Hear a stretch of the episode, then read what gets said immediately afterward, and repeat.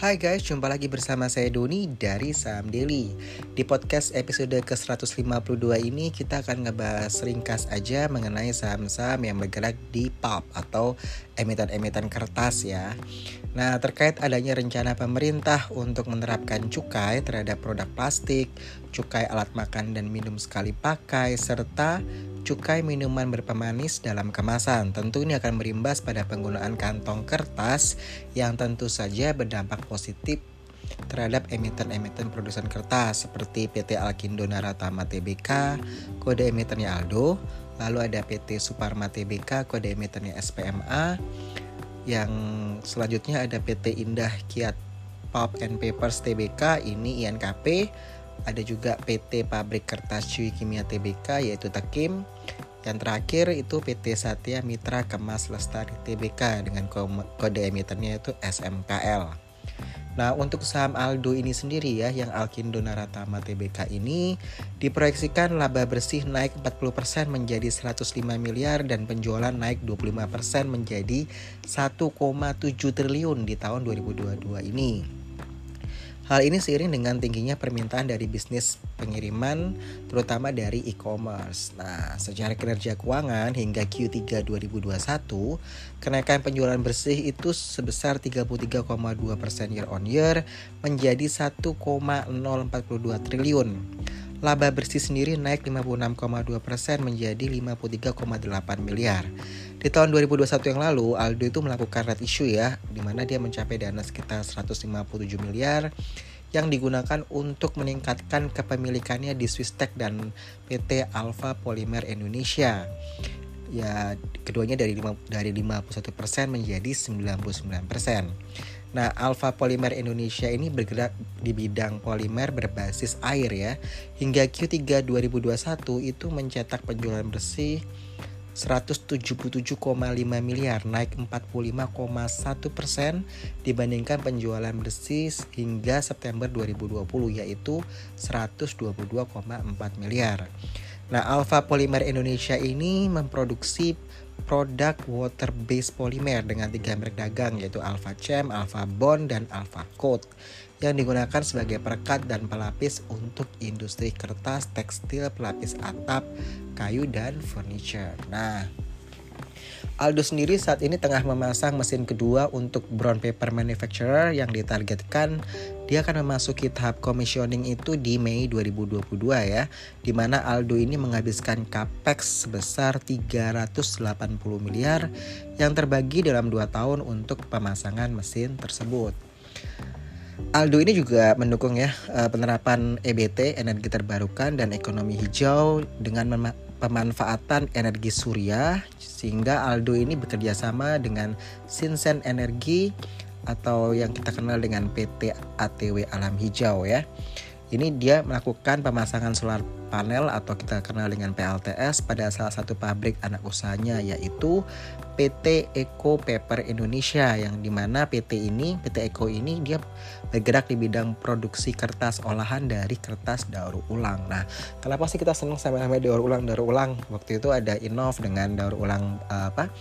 Uh, plastik sampah botol ya lalu di kertas juga ada daur ulang sehingga makanya kita uh, senang sama emiten-emiten kertas begitu ya Nah kembali ke Eco Paper Indonesia ini uh, melalui pemasangan teknologi solar panel dari Jepang dengan daya 3,6 MW tersebut akan memberikan efisiensi biaya sebesar 19% per kWh di bawah biaya pemakaian dari PLN itu sendiri. Jadi bagus ya untuk saving energi dan saving cost gitu. Dengan pemasangan PLTS ini, pihak Aldo itu nggak mengeluarkan biaya investasi capex. Yang melakukan investasi adalah perusahaan solar panel bersama perusahaan Jepang. Sedangkan PT Eco Paper Indonesia tadi itu cuma membayar biaya seperti dia bayar kepada PLN. Jadi selain hemat secara penggunaan energi juga terbilang hemat secara biaya pemakaian listrik. Aku rasa ini uh, kita dukung ya untuk perusahaan-perusahaan yang mereka memang eco-friendly lalu bisa tekan uh, cost-nya gitu. Nah, Aldo ini secara konsisten menerapkan prinsip bisnis berkelanjutan atau kita bilang going concern di mana salah satu lini bisnis Aldo ini kan memanfaatkan sampah kertas yang didaur ulang menjadi brown paper yang lebih ramah terhadap lingkungan. Aldo sendiri ini mampu mengolah sekitar 100 ribu ton sampah kertas per tahun untuk dijadikan brown paper. Jadi makin ke sini makin ke sini kita selalu uh, memilih perusahaan-perusahaan yang EBT gitu yang ramah lingkungan begitu ya, yang daur ulang. Nah itu makanya kita dari saham diri juga tertarik dengan emiten-emiten seperti ini ya.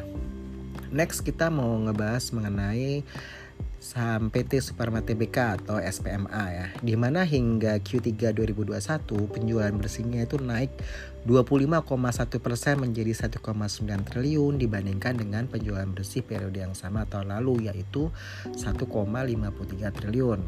Sedangkan uh, penjualan bersih SPMA hingga Oktober 2021 itu dia mencapai 2,21 triliun yang mana melampaui penjualan bersih selama tahun 2020 yaitu di 2,15 triliun.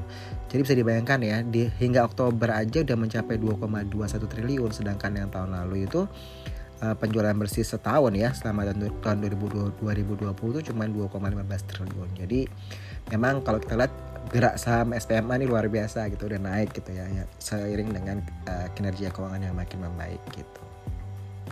Kenaikan penjualan tersebut itu disebabkan oleh kenaikan kualitas penjualan produk, kertas, dan harga jual rata-rata produk kertas yang masing-masing sebesar 6% dan 17,9%. Jadi eh, kuantitasnya itu naik 6%, sedangkan harga jual rata-rata produk kertasnya naik 17,9%. Untuk serapan capex ya hingga November 2021 SPMA ini telah menyerap 95% di mana di tahun 2021 SPMA itu menganggarkan capex senilai 2,6 juta US dollar. Nah, penggunaan capex 2021 ini untuk apa sih? Dia untuk menambah mesin converting dan rewinding.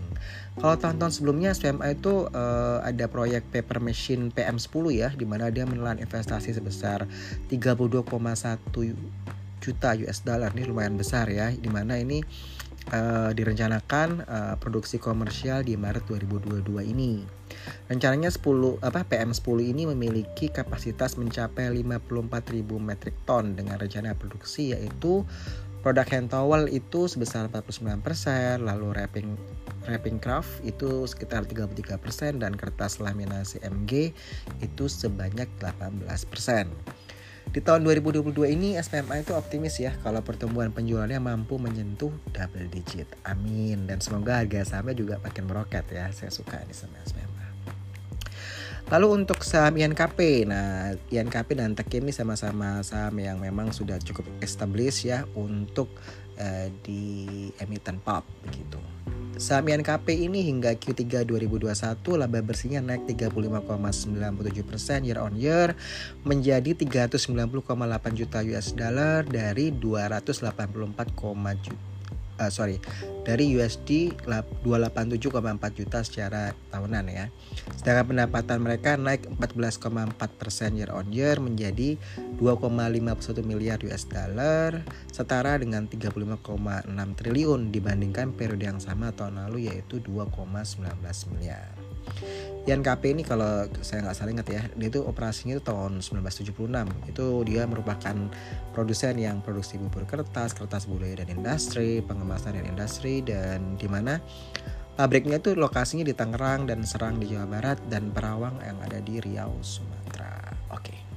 Dari NKP kita pindah ke saham Tekim. Hingga Q3 2021, penjualan dari Tekim ini naik 14,49% menjadi 744,4 juta US dollar atau setara kisaran 10,6 triliun dibandingkan periode yang sama tahun lalu yaitu di 650,2 juta US dollar. Sedangkan laba yang dapat diatribusikan ke pemilik entitas induk itu dia naik 4,39% menjadi 175,6 juta US dollar dari 168,2 juta year on year. Oke. Okay.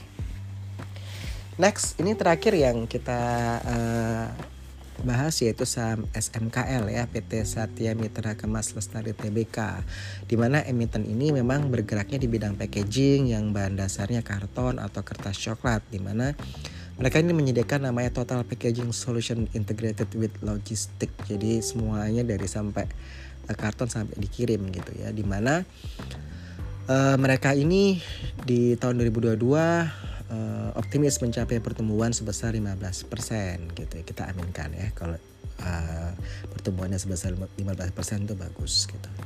Di mana di SMKL ini mereka didukung oleh 170 truk yang sudah terpasang sistem GPS tracking. Jadi uh, siap mengantar pesanan dengan gudang-gudang yang tersebar di beberapa lokasi yaitu Tiga Raksa, Cikarang, dan Surabaya. SMKL sendiri telah mengantongi sertifikat eh, sertifikasi Forest Stewardship Council ya atau FSC. Artinya produk yang digunakan ini udah berasal dari hutan dengan pengelolaan yang baik dan memberikan manfaat bagi lingkungan, ekonomi dan sosial.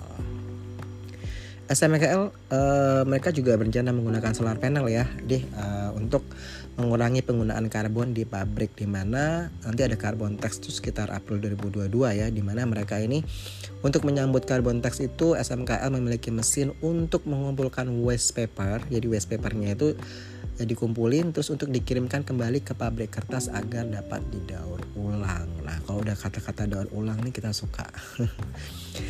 Hingga Q3 2021, SMKL ini berhasil mencatatkan pertumbuhan penjualan 22% year on year yang berasal dari segmen karton box itu sebesar 872,6 miliar, offset printing itu di 355 miliar, pre pre-reprint itu di 232,8 miliar, sedangkan rigid box itu di 73,9 miliar. Laba bersih sendiri naik 268,3% year on year. Ini menjadi 72,1 miliar dari tahun sebelumnya cuma 19,6 M. Jadi SMKL ini juga uh, kalau kita baca fundamental yang menarik untuk kita amati ya untuk SMKL dengan kinerja yang kita rasa luar biasa. SMKL juga mencanangkan ekspansi usaha hingga tahun 2025 melalui pembangunan pabrik corrugated carton box untuk mencapai target produksi sebesar 5.500 ton di mana pembangunan pabrik ini akan menempati areal seluas 25 hektar berlokasi di Batang, Jawa Tengah. Oke. Okay.